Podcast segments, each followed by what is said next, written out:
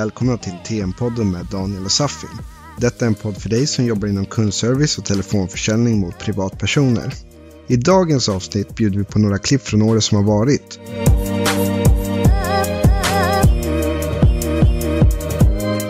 Jag har inte sett någon lyckas eh, så bra utan manus. Nej, Bara köra freestyle. jag håller med där också. Jag brukar jämföra det med att, ja men så som du säger artister och jag som har många killar som lyssnar på rapmusik, att det ska sitta som en raptext. Ja, man, man hör ju om det är en dålig freestyle, det är när de inte kan texten. Och då får man inte det här sköna flowet och allt det. Och det blir ju bra flow i ett säljmanus också när du väl har pluggat in det. Ja, men verkligen alltså, om vi tänker det finns en och samma låttext, hundratals covers. Vet du inte vilket som är originalet? Pff, Då kan du tycka vilken som helst är bra. Och det är verkligen, vad har du för melodi i rösten? Vad har du för tonläge, pitch och vad har du för tempo? Det avgör väldigt, väldigt mycket. Så Mm. att eh, då kommer ju jag fram ändå, även om det är ett manus. Ja, exakt. att, eh, Repa manuset, plugga manuset, eh, kötta manuset. Så egentligen så man kan väcka dig mitt i natten och bara köra manus så det ska sitta helt klockrent. Ja, Mm. det, det skulle jag vilja säga. Och det är där största fokuset ska ligga i början när man börjar. För annars så får man det väldigt tufft. Det är tillräckligt många nej som det här. Mm. Och sen så kommer man dit och så tror, tror man att åh nej men det här var inte riktigt för mig. Eh, då säger jag att du, du har inte gett dig själv en ärlig chans. Utan repetera manus. Ja, det kostar lite tid för dig att repetera ett manus.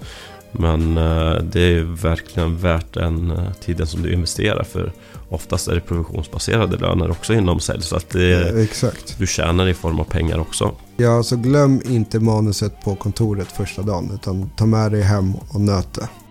Ja, helst av allt så har du ju inget manus när du väl kommer för då, har du, då kan du det. Men, det men, ja, men det är klart, med manus. om det är pappersformat och det är Ja, om det två- papp- två- 2019. Jag vet inte vilket. Jag, jag är en podd för eh, eh, 80-talet.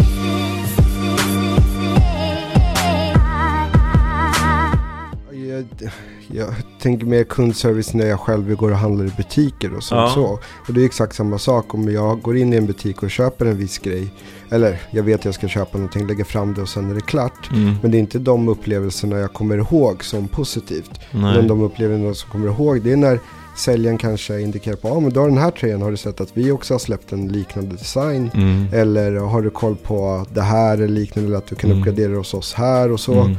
Eh, och så det är de jag ofta stannar kvar och köper mycket mer Mm. eh, än vad jag egentligen skulle ha tänkt, eller tänkt gjort från början. Mm. Eh, och de som eh, ställer frågor och upplyser mig om nya nyheter och sånt. Mm.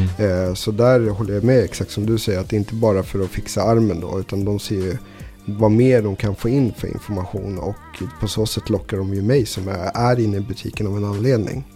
Ja, det är mycket, mycket bättre upplevelse för Ja, oss. Att gå jag och köpa ett par skor och i en viss färg så den duktiga service, kundservice Mm. eller vad vi ska, servicepersonen Den säger ja men vi har ett skärp som är i exakt samma ton.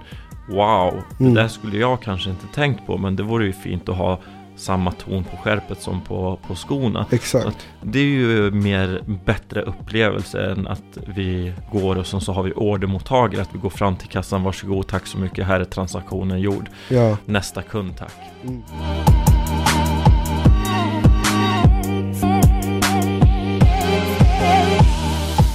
Då är det jätteviktigt att vi utmanar oss själva och tänker vad skulle jag gjort annorlunda och reflektera kring vårt föregående samtal. Att kommer jag till en som svarar med väldigt bestämd röst, ja det är Gunnar när vi pratar ut, utgående telefoni. Så då efter jag misslyckats med det här samtalet så tänker jag att jag borde öka volymen i rösten eller jag borde ställt den här frågan eller jag borde varit snabbare under samtalet. Oavsett vad jag kommer fram till så kommer det här vara en förändring som jag tror kommer öka mina möjligheter. Och Mm. bara att jag gör det så kommer jag ingå med hopp om att lyckas. Så då kommer jag ett steg längre fram under samtalet eller ett steg längre bak i samtalet och sen ställer jag mig frågan på nytt. Hur? Eller vad skulle jag gjort annorlunda? Och sakta men säkert så märker jag att jag kommer hela tiden lite närmare.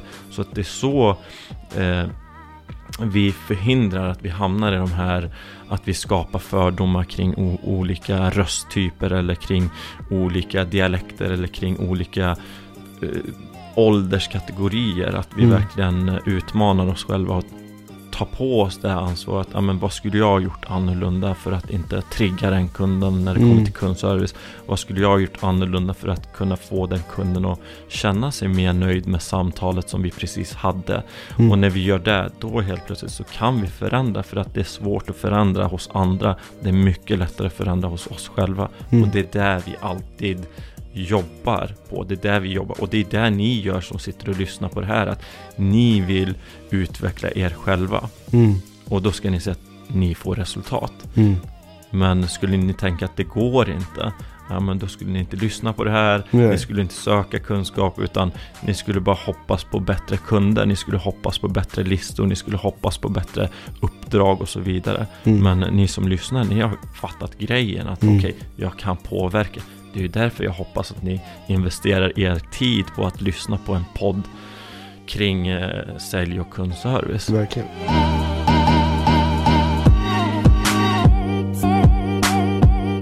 Be coachen eller eh, teamleadaren spara det samtalet så du kan påminna dig själv sen tillbaka också. Mm. Ja men det där har jag läst och det där såg jag som värsta problemet tidigare. Mm. Och så man påminner sig själv och ger sig en klapp på axeln att se vad lilla arbetet gör också.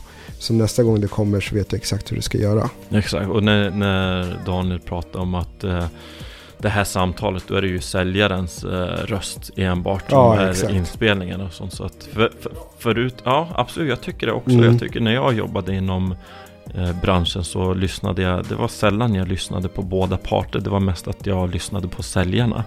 För att det är ju där vi kan påverka, inte vad sa kunden utan vad är det du har sagt som kan påverka kunden till att säga olika saker. Mm. Så att eh, det är jättebra att höra vad sa jag, vilket tonläge sa jag, vilket tempo sa jag det. Mm. Så att det är super, jättebra tips tycker jag att Mm. eh, spara samtalet när jag lyckades. Ja, för Så. det har varit...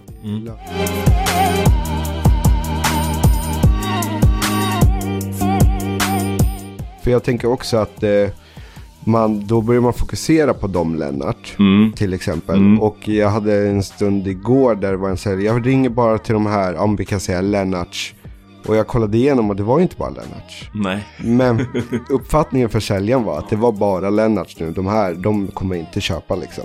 Så då istället börjar man fokusera och leta på att hitta Lennarts istället för listan. Så det helt fel fokus istället Ja. på åtgärderna och att få det att lyckas istället. Ja, verkligen. Det där har ju vi varit med om många gånger. Ja. Tycker jag att eh, när jag jobbade som eh, coach så kunde jag ställa frågan hur många talsvar har vi fått den här timmen? Och då var det vissa som, som kunde räkna upp hur många Hade koll. talsvar det var. Och då är det ju verkligen, vad har vi fokus på? Hur många samtal som vi inte har möjlighet att sälja eller hur många samtal som vi har möjlighet att sälja. Så att det är jätteviktigt. Fokusera på rätt saker här. Verkligen. Men mycket inställningsfrågor det här att eh, hur ska jag lyckas? Att Mm. ställa oss så, så är det ju inte att vi lyckas med varje kund utan det här är ett sätt att vi ökar våra möjligheter, blir duktigare med olika kundtyper. Mm. Och det är ju om vi tänker tillbaka till butikssammanhang, i alla fall när jag var yngre och var ja, runt 18 eller 20 och gick in till bilfilm och på den tiden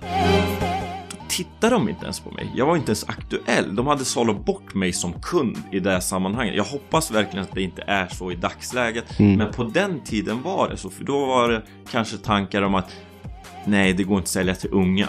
Mm. Ja men det är så. Jag, men jag känner igen mig där. Jag känner igen mig. Jag kan gå, eller flera gånger när jag gått på NK Ja. och jag har en viss typ av klädstil, Ja. en viss typ av, eh, typ av kompisar. Då tar det längre tid för säljaren att se mig Ja. än resterande kunder i butiken. Så Ja. det är absolut. Vi brukar till och med skoja med hur lång tid det tar innan han märker det. Och sen när han märker det börjar vi driva med honom. Bara för att han har hållit sig undan ett tag.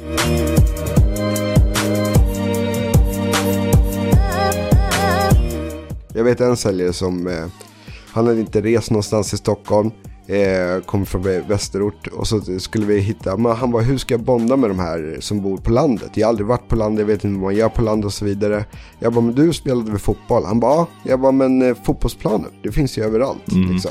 Så då Just var hans grej, ja men eh, när du köper den här så kan vi kanske spela fotboll där jag spelade den när jag var liten. På den där lilla grusplanen du vet. Och de bara, ja ja, det har jag stenkoll på den grusplanen. Och det var hans sätt att bonda med dem, bara genom att hitta en grusplan liksom. Ja. så att, men det är det också att men jag kan tänka mig, de brukar ofta säga så här, ja men det är en sån där som inte köper. Mm. Han är som min mamma eller pappa eller som min brorson. Han skulle aldrig köpa via Nej. telefon. Men då kanske kolla tillbaka på släktingen då. Vad är det han gillar? Mm. Och vad är det någon koppling till din produkt då som du kan ta upp i samtalsämnen? Så att du kan bonda med den här Lennart. Mm. Vilket gör att det blir lite mer avslappnat. Din fördom försvinner lite också. Och därifrån kan komma in med en annan infallsvinkel tror jag också. Mm. Att du försöker hitta någon som du känner som du ändå kan prata med. Som är typ som den typen som du tycker är omöjlig. Ja, verkligen. Det är ju... Hitta någon gemensam nämnare. Det, Mm. det tycker jag att vi kan hitta med varenda individ på den här planeten. Ja. I princip så kanske vi har några som inte... Tydligt mål, konkret, mätbart. Sen så stakar jag ut vägen att jag lägger en fem minuter om dagen på att läsa någonting om försäljning eller fem minuter om dagen och lyssna på mina egna samtal eller fem minuter om dagen vad det nu kan vara. Och sen så sakta men säkert så kommer jag nå det här målet. Och jag har stenkoll redan från början om jag ligger back eller om jag ligger före. Och det är mycket bättre än att slutet på månaden bara whoops, oj. Det, det var inte min grej det här. Det, det var dåligt väder ute eller vad det kan vara. Verkligen. Och jag tror också när man, eh, som du säger, lägger upp en plan sådär. Mm. Om du inte lägger upp den planen så vet du inte vad du ska reflektera om om du inte når målet. Så det är jätteviktigt att ja, skriva ner den planen så att den blir tydlig för dig själv också. Mm. Inte bara en tanke utan så här ska jag gå tillväga för att nå det här målet. Och när du når målet då vet du att det var en bra plan. Är det ett högre mål nästa gång då tar du vara på de verktyg du har använt som har fungerat från den planen och skippar Mm. dem från de gånger när det inte fungerat. Men gör man inte den reflektionen eller antecknar det på något sätt så blir det inte tydligt alls. Och då, I slutet av månaden så har du glömt bort vad som var den vinnande faktorn. Den är fantastisk. Det är lätt att komma ihåg vad man har gjort fel. eh, Verkligen. Men det är många gånger som vi glömmer bort vad det är som vi har gjort som är rätt. Och den är jättebra. Ja, för det måste jag påminna säljare om än idag liksom. Men kom du ihåg den här månaden, då gjorde du ju så här, så här, så här. Mm. Ja, just det, det gjorde ju. Det var ju det som var det vinnande konceptet till att du fick det här resultatet liksom. Men då, då är man väldigt glad bara och glömmer bort och inte ta vara utan bara, jag är grym. De hade tur kanske. Ja, jag är grym eller det, är det var bra listor Ja, exakt. den här Bra månaden. Ja, tur. Exakt, så att det är väl det. Men, och sen antingen skriva ner det. Det är väl många som jag lyssnar på som så här framgångsrika personer som alltid, när de börjar sin blogg, skriv ner det varje dag. Så upprepa att ja, men jag ska bli det här till exempel. Varje dag. Så att det blev att de projicerade tanken till att ja, men jag ska bli det liksom.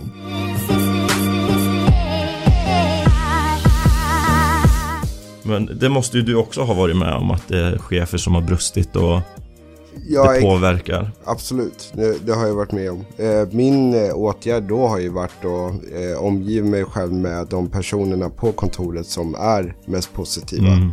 De som kanske borde haft coachrollen då. Nej men de som eh, peppar som sprider bra energi. För det märker man ju så tydligt i säljbås. Oftast är ju team, när det är till marketing så är det uppdelat i säljbås. Mm. Och är det en viss del av personerna i det säljbåset som börjar ha negativ energi så smittar det av sig på den andra direkt. Mm. Eh, och så sitter alla där och har jätteåskmoln över sig medan Mm. solen skiner på de andra säljarna som där det är positiv energi Mm. och försäljning går jättebra. Så att hitta de nyckelpersonerna som ger dig bra energi i jobbet. För det kan ju vara att den som sitter bredvid dig, det är han som peppar mig och ser det. Ja men shit du läser, eh, vad bra och Mm. bra jobbat. Jag hade själv en kollega som sa så här, även när jag inte sålde, ja men shit vilken bra invändning du gjorde där. Mm. Och då vet ju det till nästa samtal, den var bra men nu ska jag maximera lite mer till. Och det, han satt ju hellre med Mm. hundra gånger mer än någon annan eller bad om feedback. För att visst, jag satt ju med honom så peppade vi varandra. Eh, och då behövde vi egentligen en coach. Vi gjorde ju coachens jobb jätteenkelt. Men det är det, hitta de personerna. Och säg det till dem också att vi jobbar på ett bra sätt. För det kanske inte folk vågar säga till varandra när de är lite yngre också. Att vi arbetar bra. Sen finns det ju oftast i TM så är det ju en sån bransch där man tar med sig sin bästa kompis till jobbet. Man rekryterar bästa vännen och så. Och det behöver inte alltid vara att den är den bästa arbetspartnern. Nej, verkligen Och då måste du våga inse det också. Men hitta de nyckelpersonerna som är bra och peppar dig på jobbet dagligen så behöver du inte coach egentligen. Nej, det är jättebra tips är det. Att vi blir så pass medvetna och omger oss med rätt personer. Mm. Märker jag att någon som är en energitjuv så behöver jag inte sitta alla gånger bredvid den personen. De pratade högt och de pratade om svartskallejävlar och invandrarjävlar och blattejävlar och allt vad det var.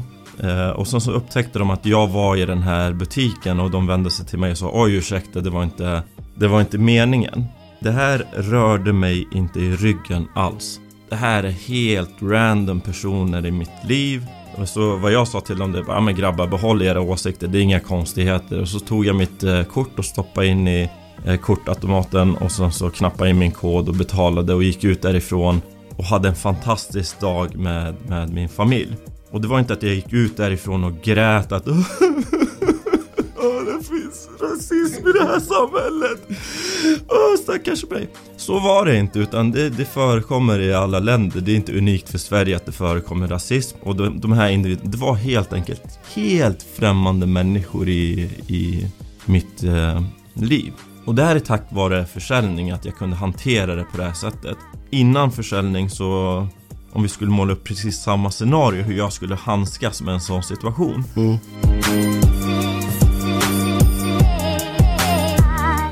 Jag trodde inte att de skulle klara av jobbet och jag eh, lyckades inte hjälpa dem på något sätt utan det slutade upp med att jag blev jätteförbannad och sen så blev jag så förbannad att jag skickade hem alla att nej men det, det finns ingen mening att vi sitter här och, och säljer. Och jag insåg mitt misstag så att eh, några veckor senare så tittade jag på den här gruppen. Eh, det var någon liknande grupp och såg att ja, de här var på 0,2 i resultat. Och då tänkte jag okej, okay, hur ska jag coacha de här individerna för att nå 0,6 eller 1,0 i resultat? Och mina förväntningar var mycket högre nu på gruppen. Och då kunde jag hjälpa den gruppen till att prestera bättre. Så att det här är vanlig fallgrop för oss som coacher att, och den har jag hört när jag är runt på olika kontor att det är gruppledare som säger att nej det är så många nya Nej men eh, mm. de är orutinerade eller ja, rekryteringen gör inte ett bra jobb, att de rekryterar dåliga personer. Att då är vi i det här läget där vi skjuter ifrån oss ansvaret och samtidigt att vi, våra förväntningar är så låga så att då fyller vi ingen funktion som gruppledare om mina förväntningar är där, där säljarna befinner sig eller ibland till och med lägre. Så det är ett misstag som jag gjorde som jag hoppas att ni som coacher inte behöver göra. Utan ha höga förväntningar, det ger resultat. Eh, och alla som har latin, eller haft latinamerikansk flickvän vet ju att nu, nu var det argt. Så jag fick höra massa glåpord, det var jag var dum i huvudet och liknande, men det var värt de här skorna för de var ju limited edition. Så nu var ju de uppla i typ 5000 mer än vad jag hade betalat dem från början åker därifrån, tillbaka, tänker inte alls på att det är Stockholms trafik och att alla Stockholms skolor ska också sluta skolan. Så att det var ju jättemycket köer. Men skyndar mig och jag hinner exakt till eh, utspringet exakt när syrran springer ut hinner jag där och öppnar skorna självklart och har dem på själva utspringet. Så det kändes ju hur värt som helst att jaga de här limited edition skorna. Men jag tror inte jag hade lagt eh, så mycket utskällning jag fick, så mycket pengar i böter på grund av dels bilen men dels väntakostnader på fraktkostnaderna eh, om de inte hade varit limited edition. Då hade jag nog tänkt, ja men då köper jag ett annat par. Men just den här limited edition grejen att jag var en utav 50 som skulle ha de här skorna gjorde att det var värt det att hoppa, göra allt det här. Tack för att ni lyssnar och gott nytt år på er alla.